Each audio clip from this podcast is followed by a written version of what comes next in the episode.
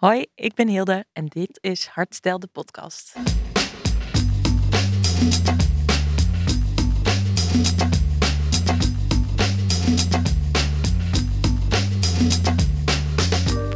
Welkom bij weer een nieuwe aflevering van Hartstijl. Ik ben Meindert Hart en in deze serie bespreek ik met uiteenlopende gasten hun hartstijl. Op welke manier volgen ze hun hart en hoe houden ze hun hart gezond zodat ze vol voor hun passie kunnen gaan? Eh, en dus ook tijd en ruimte in je hoofd kunt maken voor wat er nu gaat gebeuren. Ja, Want we zitten hier samen in deze schitterende joert met een knapperend haardvuurtje. Hm? Langs de Nederrijn, als ik het goed heb. ja, klopt. Aan de oever van de Nederrijn. Wat ik zeg, in jouw joert, Hilde. Wat leuk dat we dit gesprek vandaag kunnen hebben. Ja, welkom hier. Dankjewel. Dankjewel. Het is... eh, eh, ik kwam hier aan met de auto. Over de dijk gereden. eh, de herfstkleuren van het bos aan de overkant.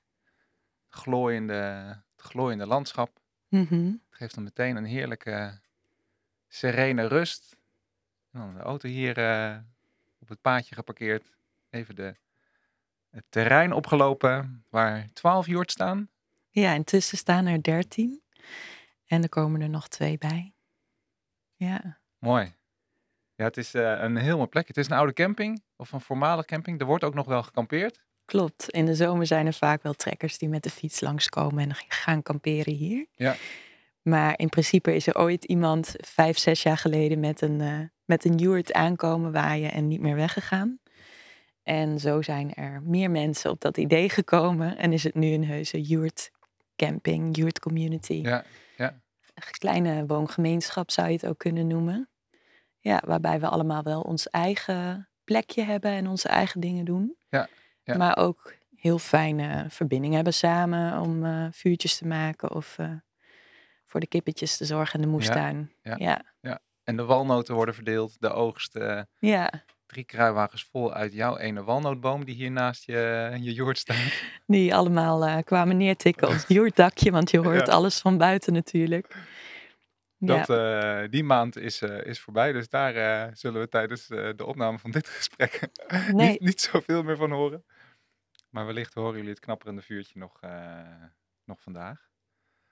Want ehm, nou, toen ik jou belde om eens met je in gesprek te gaan en het concept van hartstijl uit te leggen over het volgen van je hart en het zorgen voor je hart, eh, werd jij eh, gelukkig heel enthousiast. Want jij bent voor mij iemand die dat volledig doorleeft. Eh, met, eh, nou ja, te beginnen, want zo ehm, eh, ken ik jou eigenlijk na je, eh, je studie. Want we kennen elkaar uit Utrecht. Je hebt in Utrecht gestudeerd.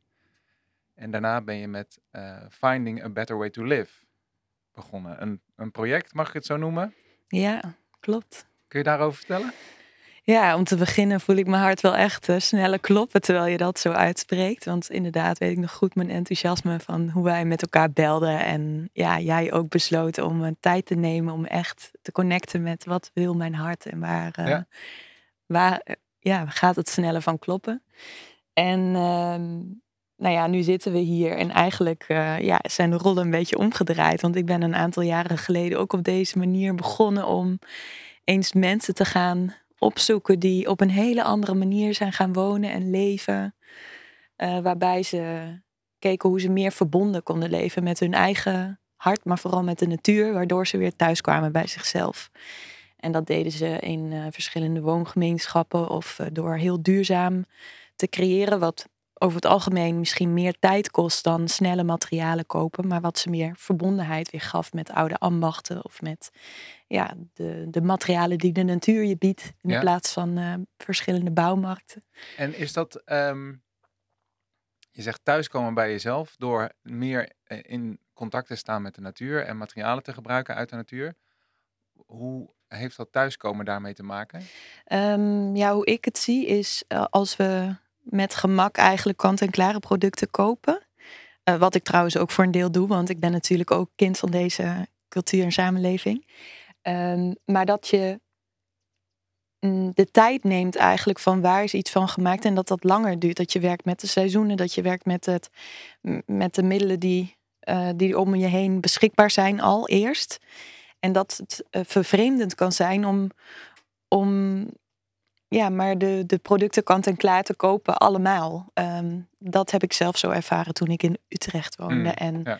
ja, ik heb wel eens gezegd, het was een hele verkeerde beslissing om een koophuis te kopen en het zo helemaal te vullen, al die drie etages. Ehm, maar eigenlijk kijk ik er nu op terug dat het een hele goede beslissing is geweest, want ik raakte daar onverbonden. Ja, ja. En ik kreeg die hang enorm naar een eenvoudiger leven. En vertraagder leven met de seizoenen weer thuis te komen, eigenlijk met een bepaald ritme dat daarin besloten ligt. Ja, Hier aan de rand van het weiland. ja, Inmiddels natuurlijk, want dat heb je, eh, dat ben je gaan onderzoeken bij eh, eh, andere woongemeenschappen. Je bent op de fiets gegaan, ja. allereerst. Je bent gaan fietsen door Europa, of eigenlijk fietsen naar het zuiden, volgens mij. Ja, klopt. Ik, ehm, ja, eigenlijk zou ik kunnen zeggen dat het nu ongeveer vijf en een half jaar geleden is begonnen. Toen woonde ik nog in Utrecht en ik had daar een voltijdbaan. Ik deed daarnaast nog een eh, masterstudie in de, in de zorgethiek. Ik ging me meer afvragen, wat is eigenlijk eh, een ethiek van de, wel, hoe zou de ethiek van de aarde eruit zien? In plaats van specifiek gericht op mensen of tussen mensen, maar Ehm, hoe kunnen wij ook met veel meer respect en inclusie met de aarde omgaan? Ehm, dus ik ging eigenlijk in eerste instantie weg bij het werk wat ik toen deed. Om ruimte te maken en om maar gewoon met mijn tent achter op de fiets geknoopt. Met heel weinig bezittingen. Een aantal maanden richting het zuiden te fietsen. Wind door mijn haren en zien wat daarvan kwam. En toen eh, met mijn toenmalige geliefde samen eh, een deel van die reis samen met de fiets gemaakt. Om ook onderweg allerlei mensen te bezoeken die ergens zijn gaan, eh, gaan wonen en leven op een, op een manier wat meer strookte met, met hun hart op dat Ja, moment. En ja. eh, die daar hun eigen onderzoek in aangingen. Ja. En die mensen hebben we vastgelegd in korte filmpjes en blogposts, korte verhalen. En zo is het project Finding a Better Way to Live ontstaan. En dat heeft drie jaar lang geduurd. Dus we zijn en op de fiets geweest. We zijn ook met de trein door Nederland geweest naar Nederlandse woongemeenschappen. Hoe vond je die trouwens? Hoe, eh, Ja, ehm, eigenlijk is het altijd gegaan van op een plek waar we kwamen, zeiden ze: Hey, ben je al daar geweest? Mm, dus het ja, gaat heel vaak in een warm contact. Ehm, daarnaast zijn er ook verschillende ja, eh, groepen op eh, de sociale media, eh, websites waarop je ja, in contact kunt Ja. komen, uiteraard. Ja. En eh, uiteindelijk heeft dat jullie eh, ook een nieuw huis daar gegeven, want je, bent, je hebt uiteindelijk een camper aangeschaft. Ja, we zijn dus eigenlijk liftend en treinend begonnen in Nederland. Vervolgens gingen we met ieder vier fietstassen door België, Frankrijk en konden we op die manier ook een camera meenemen. Maar toen we merkten van hé, hey, we zouden dit nog wel iets meer naar een wat hoger plan willen tillen, door echt ruimte te maken, een half jaar lang alleen maar communities te bezoeken, ook in Spanje en Portugal. En de tijd nemen om daar goed te editen dan is een camper wel heel fijn. En dan Ja. gaan wij wonen in die camper. Met gewoon eh, ja, dat wat we, wat we nodig hebben. Dus we zegden allebei onze woonruimtes op. Ik had toen trouwens geen woonruimte meer. Want dat huis waar ik net over vertelde, dat had ik eh, verkocht in eh, 2017. En wij gingen dus in begin 2018 eh, samen met die camper richting Spanje en Portugal. Om eh, ja, echt gewoon wat langer de tijd ook te hebben bij de verschillende communities. Dan heb je je, Ja. je woonvorm op wielen bij je en Precies. dan kan je langer staan. Hoef je Ja. daar niet gebruik te maken van eventuele mo- slaapmogelijkheden. Dan ben je gewoon zelfvoorzienend. Ja, ja, zonnepanelen hadden we op het dak om eh, ja, de camera te kunnen laten draaien. Ja, ja kijk, Ja. schitterend. Ja. En ehm, ehm, hè, je wilde eh, communities eh, bezoeken, kijken hoe ze daar duurzaam leven. Met welk doel uiteindelijk? Had je daar een plan bij, zeg maar, van oké, eh, wij willen ook zelf dus op een andere manier gaan leven en gaan een manier vinden op deze manier die echt bij ons past? Ja, ja we hadden het echt eh, vrij snel concreet dat het finding a better way mocht, to Live mocht heten. Dus niet Searching for a Better Way to Live. Of uh, nou ja, dat je dus echt bezig bent met het vinden door en elke keer ook voelt van hey, we komen steeds dichterbij door al die kleine puzzelstukjes die we onderweg tegenkomen. Dus dat gaf al een beetje ja, meer een uh, mm, misschien connectie met een intentie van wij gaan dit ook vinden voor onszelf. Ja. Maar in die, uh, in die reis was het vooral ook besloten dat we, dat we de inspiratie wilden delen met een netwerk. Dat, we, dat we een nieuwsbrief uitbrachten en een YouTube-kanaal opzetten en een website bouwden. Waardoor we de opgedane kennis en ervaring ook konden delen. Ja. En uh, uh, hoe reageerden mensen daarop? Hoe, ehm, ja, wat waren de reacties daarop, zeg maar? Überhaupt op jullie project, maar uh, ook de, de filmpjes die jullie maakten, werden mensen daar inderdaad zo geïnspireerd van zoals je hoopte? Ja, in, in reacties heb je in alle kleuren uiteraard. Um, ja, dat is uh, heel uiteenlopend geweest van uh, mensen die een project tegenkwamen waar ze zelf vervolgens ook naartoe zijn gegaan. Dus die echt gewoon wilden ja. ervaren hoe de plek was. Dus dat heeft geleid tot hele leuke ontmoetingen ook na onze uh, naar ons project. En uiteraard zijn er ook mensen die, uh, die denken, ja, maar ja, waarom, waarom zou je dit doen? Waarom zou je dit doen? En uh, wat een ja, what a waste of time. Wij zagen eigenlijk de ondertitel van Finding a Better Way to Live als Our Journey Towards Sustainable Living. Mm -hmm. um, dus dat we wel meer um, ja, eenvoudiger en, en duurzamer wilden leven. Maar ja, mensen natuurlijk ook heel snel konden vallen over bijvoorbeeld, hé, hey, maar je rijdt wel in een camper. En er is altijd iets natuurlijk waar je nog weer in verder kunt verduurzamen. Of, um, ja, het is nooit klaar, denk ik. Het is nooit klaar. En het, het is een begin geweest voor ons van een, uh, ja, uh, voor mij althans in ieder geval een uh, diepgaande zoektocht. Van ja, wat, wat betekent duurzaamheid voor mij? Wat betekent uh, meer leven in het ritme van de seizoenen of de natuur voor mij. En ja. alles werd een onderzoeksvraag. En dat vind ik er eigenlijk een hele waardevolle uh, uitkomst van. Ja. En wat zijn de belangrijkste antwoorden die je toen hebt gevonden? Wat uh, was voor jou die better way to live die je uit dat project hebt gehaald? Ja, um, bij ieder project waar ik ben geweest heb ik wel pareltjes ontdekt uh, in de manier van wonen en leven.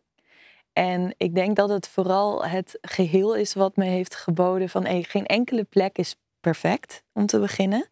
Um, en iedereen uh, ja, uh, begint ergens met, met een heel kleine um, eerste actie, wat verder kan uitrollen. En als, um, als ik terugkijk, dan, dan zie ik gewoon dat ik van iedere plek wel iets anders heb meegenomen, wat gezamenlijk heeft geleid tot hoe ik nu woon en leef. En, ja. en ook dat is weer een, een stap naar een volgende stap. Dus vooral niet te verzanden in, oh, ik moet daar al zijn. Nee.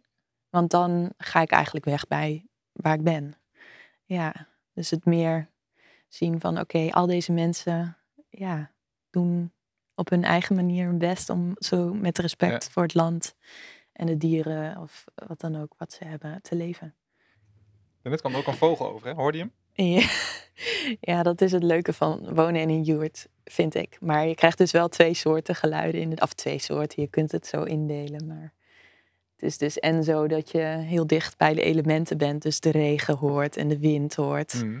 Maar goed, je hoort ook die ene auto met een uh, ja, met een met een grote uh, muziekbox uh, voorbij komen over de dijk. Ja, ja. Je zegt um, ja, geniet van het moment waar je, de plek waar je nu bent, het moment waar je nu bent. En hoe we starten, we zeiden ook, het is nooit, nooit klaar, die journey. Want elke keer uh, gebeurt er weer iets, kom je weer iemand tegen, uh, verandert er iets in de, uh, in de omgeving die je weer kunt toepassen in je eigen leven. We hadden net even in ons voorgesprekje over nou ja, ontwikkelingen die hier op het land gaan gebeuren, waardoor je uh, misschien wel over een tijd uh, in, een, uh, in een tiny house woont. Dat doe je al, maar een ander tiny house. Ik vind het mooi dat je dat zegt. Pin je niet vast op dat, op dat doel en waar je wilt zijn. Mm -hmm. Want dan vergeet je waar je, waar je al bent. Ja, ik heb ooit eens een zinnetje gelezen wat me altijd bij is gebleven. Dat is, het gaat erom wat je doet met de tussentijd. Zo van, je kan een, een doel voor ogen hebben. En uh, nou ja, eigenlijk eh, heel filosofisch of heel, heel aards tegelijkertijd is gewoon heel simpel. We worden geboren en we gaan dood. Ja. En, we, en het gaat erom wat we doen met de tussentijd. Ja. Maar je hebt eigenlijk alleen maar nu. En als het gewoon nu, uh, nu is alles er al. Het is nu ook goed. Ook al heb ik misschien nog ideeën over hoe het uh, verbeterd kan worden, wat me gaande houdt. En dat is denk ik ook heel belangrijk, omdat dat me vervult ja. om gaande te blijven, om in beweging te blijven. Ja. Uh, dat, dat geeft joy. Maar, maar het is ook al goed nu. Ja. Eigenlijk vanuit hoe, je, hoe je startte met Finding a Better Way to Live. In Utrecht wonen, daar hadden jullie ook al plannen om met de mensen om je heen, met de gemeenschap, iets te gaan doen. Volgens mij noemde je iets over het uitbreken van de muren tussen de tuinen, om daar een mooie gemeenschap van te maken. Was dat ook bij de, die gemeenschap? Want jij noemde eerder gemeenschapsgedragen wonen. Ja, was klopt. dat ook een, een rode draad door de plekken die jullie bezocht hebben? Nou, um, ik miste dat eigenlijk in Utrecht. Want toen uh, kwam ik te wonen in een huis met een eigen postzegeltuintje en een eigen schuurtje. En iedereen natuurlijk in de straat een Ja. eigen wasmachine en een eigen gereedschapshoeveelheid. Terwijl, en je hebt daar mooie appjes voor om dingen te kunnen lenen bij je buren uiteraard. Maar ik had wel zoiets van, hey, kunnen we niet al die schuttingen eruit halen en gewoon één grote ja, plek creëren met elkaar. Met uh, een, aan de ene kant uh, een grote moestuin, aan de andere kant een schuur met een werkplaats waar je elkaar kan ontmoeten. Um, ja, dat was voor die plek en die tijd uh, niet, niet wat er ging gebeuren. Dus ik wist ook, ja, dan is het misschien nog niet de plek waar ik te blijven heb. Ja. Ja. En um, gemeenschapsgedragen wonen is een, een, een woord wat bij mij is gaan leven toen ik toen ik besefte van ah, als je het allemaal alleen wilt doen, zo um, duurzaam mogelijk leven, ja, dat, dat, dat kan haast niet. Want iedereen kan wat anders. En als je elkaar kan aanvullen, dan kan je um, ja, met elkaar echt iets, iets groters creëren wat meer impact ook heeft. Ja. En, en het is ook heel leuk om het samen te doen. Het geeft, dat geeft in zichzelf al iets. Om Ja. natuurlijk samen te werken en samen een land te onderhouden of voor dieren te zorgen. En Ja. eh, enthousiasme te delen voor... eh, Ja, voor, voor hoe je dan woont en leeft. En dat je Ja. daar dus in de, kan sparren en elkaar kan ontmoeten en inspireren Ja. ook. Ja. En dat heb je nu gevonden. Ja, Daar woon je nu. ja, ik vind het in mijn wonen, ik vind het ook in mijn werk. Eh, en ehm, mm, het is wel zo dat we, wat ik al zei, hier ieder heeft een eigen plekje. En eh, we doen ook verschillende dingen. En met een aantal hele fijne buurvrouwen die intussen ook goede vriendinnen zijn. eh, eet ik wel eh, een keertje samen in de week. En hebben we samen een moestuintje en een vuurplek. Dus er is gemeenschapszin. We lenen spullen bij elkaar. We lopen makkelijk even bij elkaar aan. Ja. Ehm, tegelijkertijd is het, is het zo dat hier twee eigenaren zijn die gewoon zorgen voor de basis. Ja, dus het is, eh, het is niet zo dat als er iets zich voordoet wat stuk gaat of zo, dat je echt een beraad hebt Nee, met elkaar precies, en dat je met elkaar dat aanvliegt. En dat heb ik veel gezien tijdens de Finding a Better Way to Live eh, tocht. En daarin heb ik gemerkt en gezien, ehm, het is super waardevol als je dat met elkaar kan doen, maar het is niet het makkelijkste om Mm. natuurlijk ook een goede Mm. basis te leggen in een, een structuur voor communicatie, beslissingen nemen. Ehm, dat is ook echt diepgaand voorbereidend werk van hoe wil je met elkaar samenleven. En één vrouw heeft me heel erg geïnspireerd op een bepaalde plek. Ze zei: Our most important discipline is rest. Ze zei: Vanuit rust kunnen we elkaar ontmoeten en elkaar bijstaan en nieuwe dingen creëren.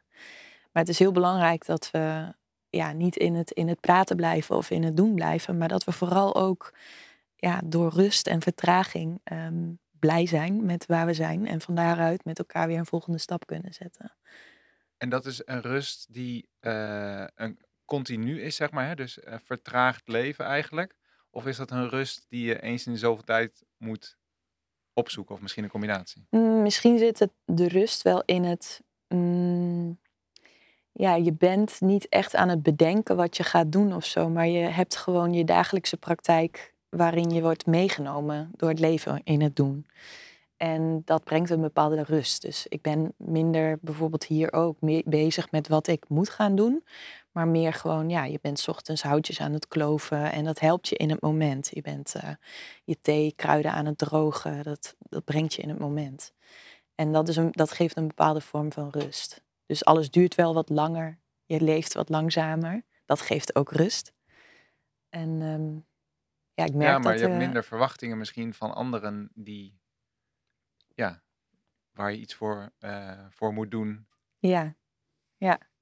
Ehm, of ja, ik zeg ja, maar wat bedoel je dan eigenlijk precies? Nou, dan bedoel ik eh, dat jij, hier is jouw leven, je hebt hier je gemeenschap. Uiteraard heb je je, je werk, waar we zo meteen ook nog, nog op komen. Ehm, maar als je in een omgeving zit eh, waar je van alles eh, moet doen en in een baan waar je moet doen en je moet verschijnen daar en je moet dit, eh, dat, je, dat mensen dingen van jou verwachten Mhm. en dat je misschien wat minder vertragend kunt leven, zeg maar, minder in rust leven, omdat er continu van alles moet gebeuren. Ja. Ja, ik denk dat dat een beetje de, de magie of heiligheid uit het dagelijkse kan halen. Terwijl dat zo echt samen kan gaan. Gewoon de aardse realiteit en de magie ervan, Ja. van het leven. Of het wonder van het leven. Ja. Ja, ik geloof wel steeds meer dat, eh, dat in het werken zelf ook echt enorm de rust kan zitten. Als het gewoon komt vanuit, ehm, dit is belangrijk om nu te doen. En ik Ja. voelde die belangrijkheid niet meer, omdat het, eh, het werk wat ik deed, bijvoorbeeld langs heel veel schrijven en in een hele hiërarchische organisatie plaatsvond. Dus ik had te weinig verbondenheid kunnen ervaren eh, in mijn werk. Ja, oké. En nu is mijn werk eigenlijk veel directer. Zou ik kunnen zeggen, veel meer, ehm, ja, eh, hetgeen wat ik doe heeft direct zichtbaar resultaat. Ehm, Noem eens een voorbeeld. Nou, als ik bijvoorbeeld kook voor een groep, dan eh, begin ik met het oogsten van de groenten op het land. En ze te bereiden en, eh, en ze vervolgens voor te schotelen ja. In, in de groepsenergie die er dan is op die plek. Ik ben dan echt samen op de locatie. Dat geeft heel directe contacten en eh, ja, Ja. zin voor mij. Ja. Ja. Want laten we daar eens heen gaan. Je woont hier in de Joert, in de gemeenschap hier aan, de, aan de Nederrijn. En je hebt verschillende activiteiten ernaast, eh, ook om je inkomsten te, eh, te genereren. En dat zijn eh, onder andere het koken voor, voor groepen met de mooie titel De Weelde van Hilde. Maar je hebt ook een theetuin in het seizoen wanneer er buiten een theetuin gehouden kan worden. Dus die loopt van mei tot oktober, als ik het goed heb. Ja. En je organiseert schrijfreizen. Klopt, ja. Ja, het is een mooie eh, creatieve verzameling geworden. toch? Ja, ik voel me er heel blij mee. Het is heel vrij. Ik eh, merk dat ik heel veel plezier ervaar bij het voor mezelf zijn begonnen. Maar dat ik wel nog steeds ervaar. Ik vind het gewoon heel fijn om samen te werken. Dus eh, in, in de tijd dat, er, dat de corona-epidemie het land hier binnenkwam ook. En alles platlegde eigenlijk. Toen ehm, woonde ik in Driebergen. Eh, bij een eh, stadsboer in huis en zijn vriendin. Die een zelfoogsttuin had sinds een paar jaar. En ik was eh, sinds een jaar vrijwilliger op die zelfoogsttuin.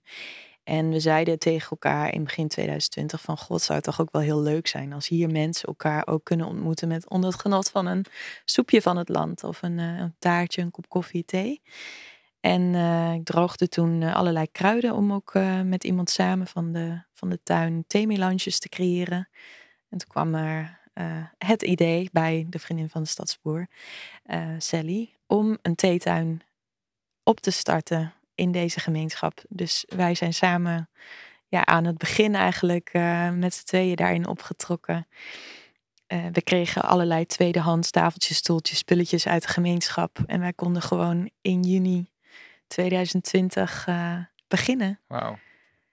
Ehm, nu is het derde seizoen net afgerond. Ja, En ehm, ja, het is één stijgende lijn geweest. Het is zo geweldig ontvangen. Ehm, hier zie ik dus ook die, wederom die gemeenschapsgedragenheid van nee, mensen die eh, hebben een oogstabonnement voor de moestuin, waar ik dus ook al werkte. Eerst als vrijwilliger, maar ik ben ook biologische tuinieren gaan leren aan de Warmondenhof. Dus ik was daar al heel erg veel.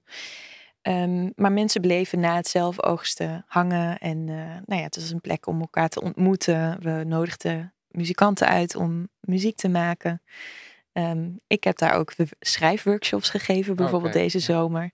Uh, gewoon op donatiebasis. Heel leuk allemaal om, uh, ja, om op die manier de plek steeds meer levend ja. te maken. Ja. En naast de theetuin is er nog de wilde van Hilde. Je zei al, je oogst de ingrediënten, je oogst de groenten. Waar doe je dat trouwens? Nou ja, ik heb zelf dus ook uh, een paar jaar lang uh, een zelfoogstabonnement gehad op de Krijbeekhof, ja. waar ik dus ook werkte en mijn stages ook heb gedaan. Um, ik oogste daar dan vooral de groenten. En dan ging ik naar de plek op, ook op de Utrechtse Heuvelrug in Maarn. Blue Beetle heet die plek hele fijne plek in het bos, waar ook een joert staat, waar ceremonies worden gehouden en waar uh, persoonlijke ontwikkelingsretretes zijn en yoga en stilte dat soort dingen. Voor dat soort groepen heb ik dan de maaltijden verzorgd, soms voor een dag, soms voor vier, vijf dagen aan één stuk. En dat ik er ook verbleef op locatie. Dan ging ik vaak tussendoor nog even naar de tuin om weer wat te oogsten. Ja. En naar de natuurwinkel uiteraard, want niet alles kwam van het land. En um, ja, dan ging ik echt mee in de groepsenergie en daar uh, ondersteunend aan zijn door de voedingen van de dag te verzorgen. Ja. Dat kreeg de naam De Weelde van Hilde. Ja.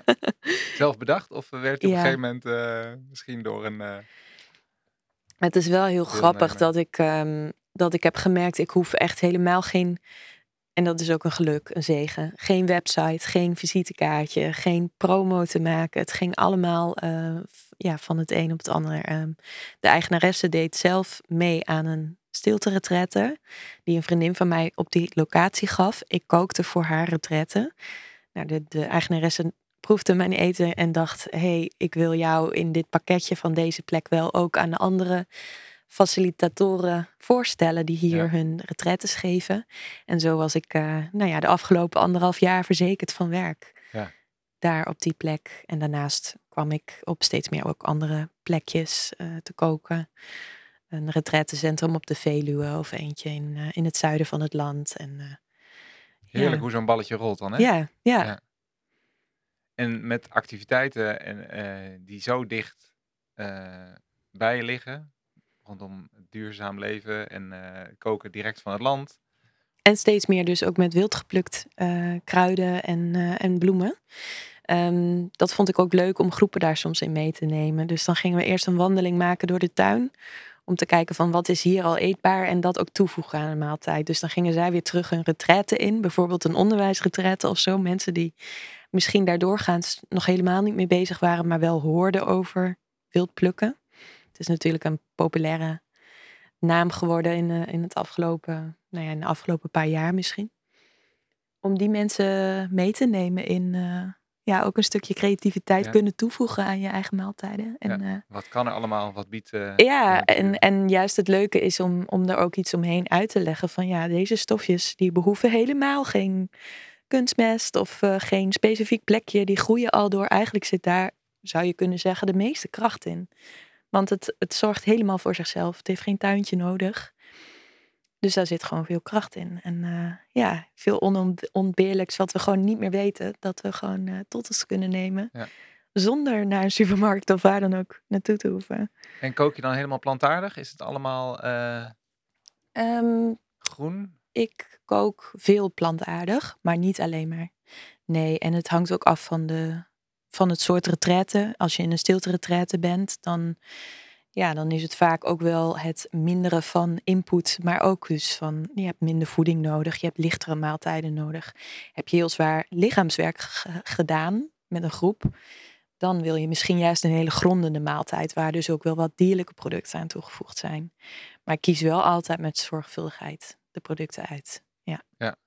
Want uh, ook hier op het landje, uh, uh, je hebt een aantal, aantal kippen lopen en ja. die geven eieren, maar die kippen die zullen op een gegeven moment ook misschien wel gegeten worden.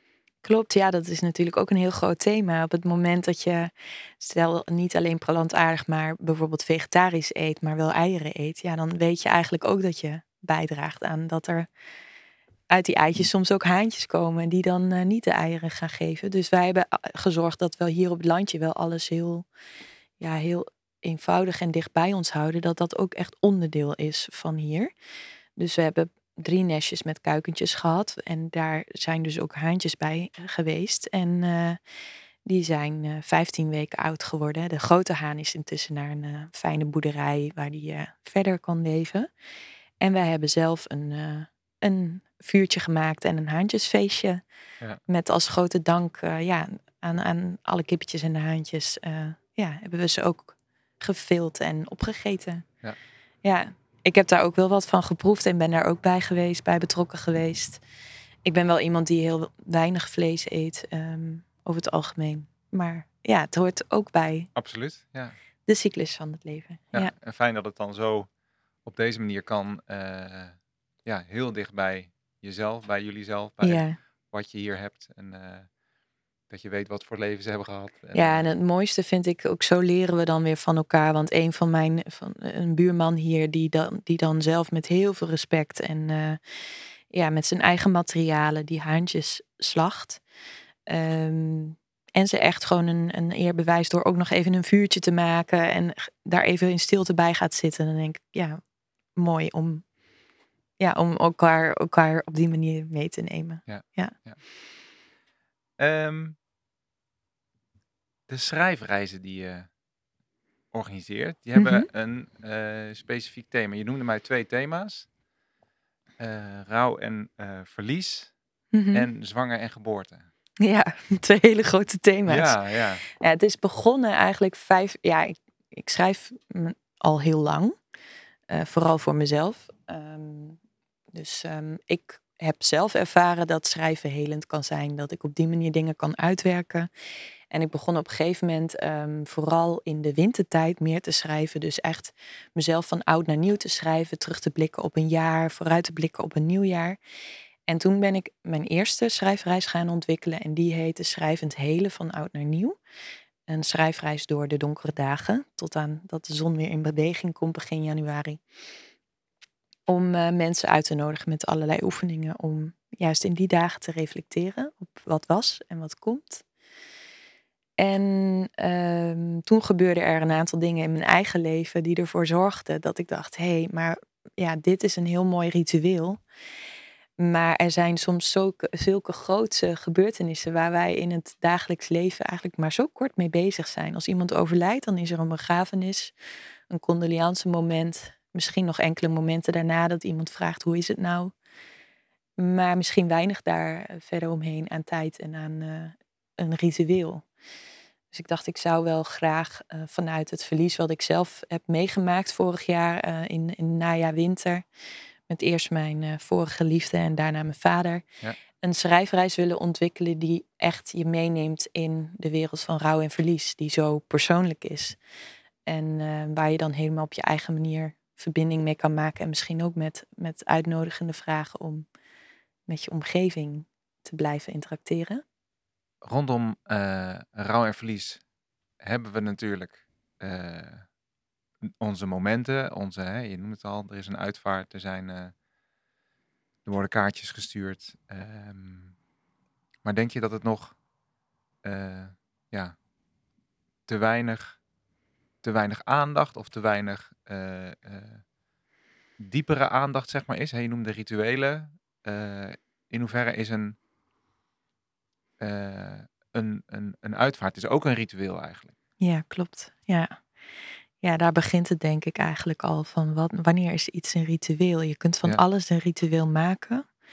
Um, als we onze persoonlijke verjaardagen vieren of iemand trouwen, dan is dat ook een ritueel. We kennen heel veel individuele rituelen.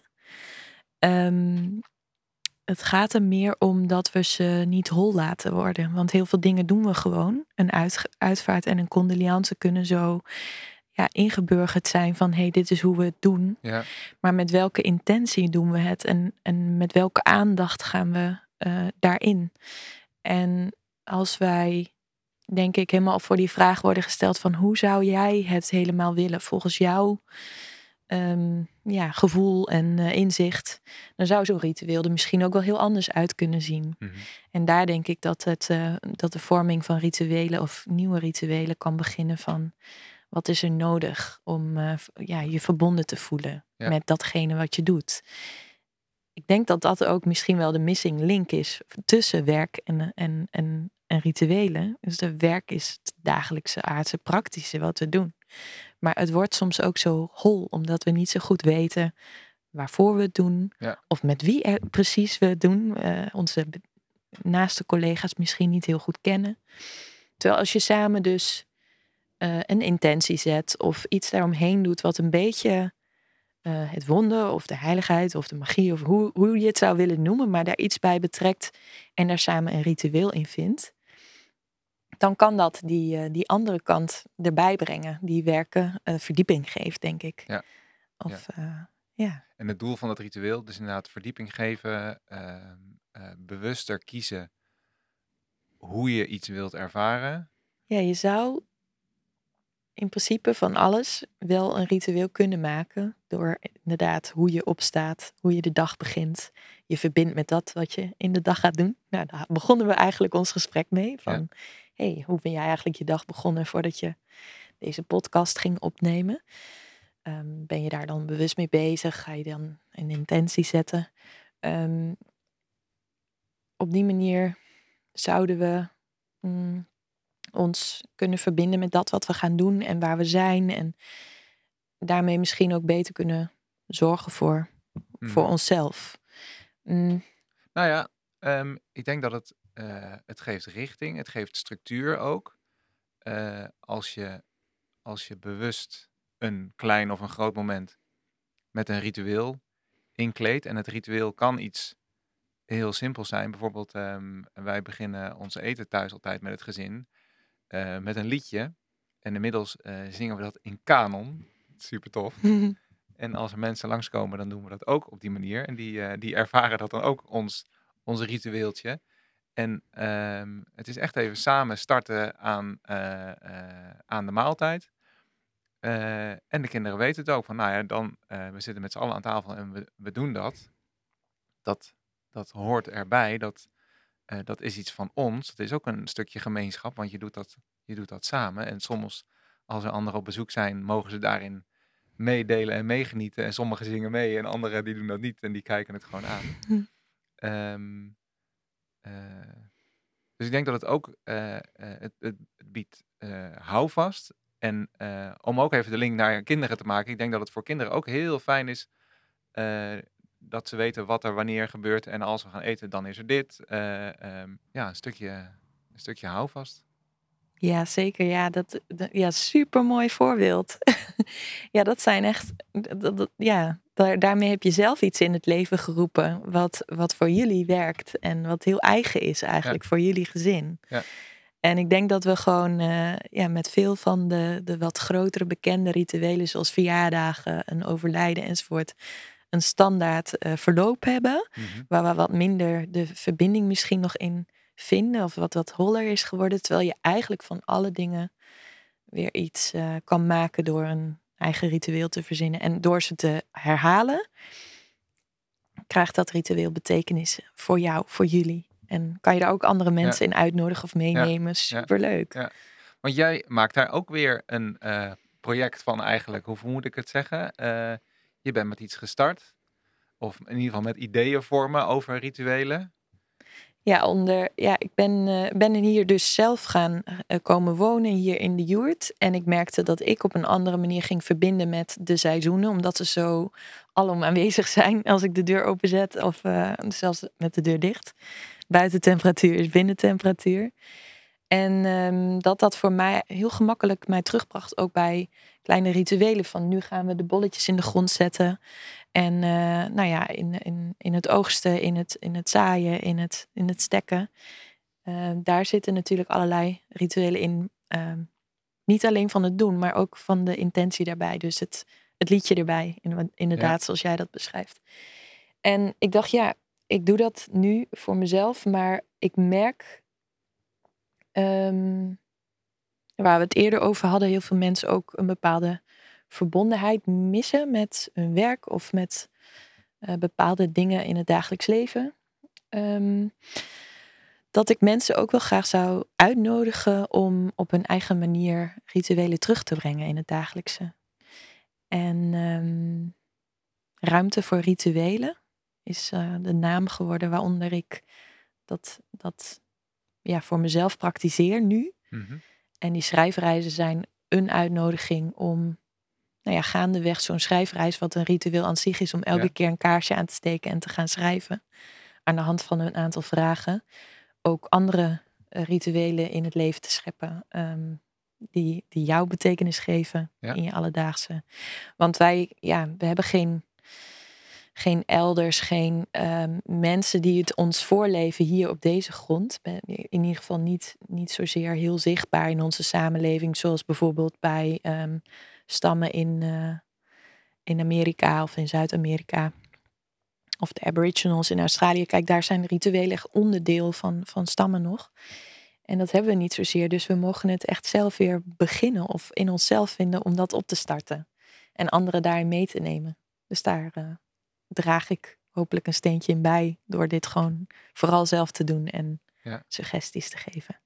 Nou ja, en dus ook eh, heel sterk je eigen rituelen eh, eh, te vormen hier. En nou, ja, de schrijfreis ook rondom ehm, eh, zwangerschap en geboorte. Ehm, we hebben vandaag ook een, een cameraatje neergezet. Ik moet nog even kijken wat ik ermee ga doen, want dit wordt ergens aflevering 5 of, vijf of zo van, ehm, van de podcast.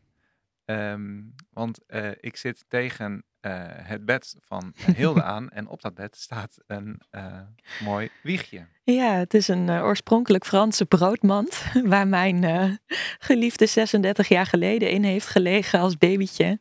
En mijn moeder en ik zijn stof gaan kopen en hebben twee dagen achter de naaimachine gezeten. Ehm, om, om dat wiegje weer opnieuw te bekleden. Voor dadelijk als ons kleine sproetje wordt geboren. Ja, Wat nu over zo'n 4,5 week eh, mag gebeuren. wordt. Ja, Ja, ja. mooi hoor. Ja, dus dat zal, eh, als, het, als het kan en eh, lukt, ehm, hier in de Joert geboren worden. Dus ehm, echt een kindje van, eh, van de aarde. En eh, eh, wordt dat ook een, eh, een ritueel met, met de gemeenschap? Zijn hier al in de tijd dat jij hier woont kinderen geboren op het... Het is heel leuk. Deze camping heet dus Camping de Ooievaar. Ja, ja, en dit is het eerste babytje wat hier geboren gaat worden, als het goed is. En er zijn wel wat kinderen hier, wat oudere pubers ook al, eh, van of 14, 15. En dan een kindje van drie, die hier niet oorspronkelijk geboren is. Dus dit is waars- waarschijnlijk de eerste. En met mijn buurvrouw heb ik ook, eh, eh, ja, ik heb eh, hen uitgenodigd om op het moment dat de baring begint, dat ik hen een, een seintje geef, zodat zij ook samen kunnen komen of een kaars kunnen branden om erbij te staan. En een van de buurvrouwen zei al van, nou, als je het fijn vindt, komen we zingen rond je joert of een beetje drummen rond de joert. En nou ja, die staan gewoon heel erg erbij betrokken en, en klaar voor me. Ja. Te Ja. gek zeg. Eh, ik vind het ontzettend bijzonder om hier eh, te zijn, om hier samen dit gesprek met jou eh, op te kunnen nemen. En nou, we gaan nog genieten van het heerlijke, heerlijke zonnetje. Ehm, ik wil je bedanken voor een heel fijn bezoek hier. En ja, heel veel geluk in de komende weken en natuurlijk straks als kleine sproetje Mm. geboren is. Ja, dankjewel. Ja, wat ik in ieder geval wil zeggen is met, eh, met heel veel plezier. Want eh, ja, ik vind het heel leuk om je hier uit te nodigen om het vooral ook te ervaren. Dus ik vind het heel leuk dat je mensen opzoekt. Ja. Zodat je ook iemands habitat eh, ontdekt. met, met Hardstyle podcast. Dus dat het niet is dat je mensen uitnodigt in een studio bij jou. Maar echt ja, aldoende ondervindt. En nu gewoon op de grond tegen mijn bedje aan in de joert. Zo van het is een kleine ruimte en we doen Ja. het ermee. Dat je dat aangaat. Dus, Echt eh, ja, ik vind het heel leuk. En dan eerst de warmte van het kacheltje en nu met de deur open. Het zonnetje naar binnen. Heel leuk om zo in gesprek te zijn. Dank je. Leuk, leuk, leuk, leuk. Dankjewel dat je weer luisterde naar Hardstyle. De volgende aflevering moet nog opgenomen worden, dus deze keer helaas geen teaser. Hou mijn socials in de gaten voor de volgende.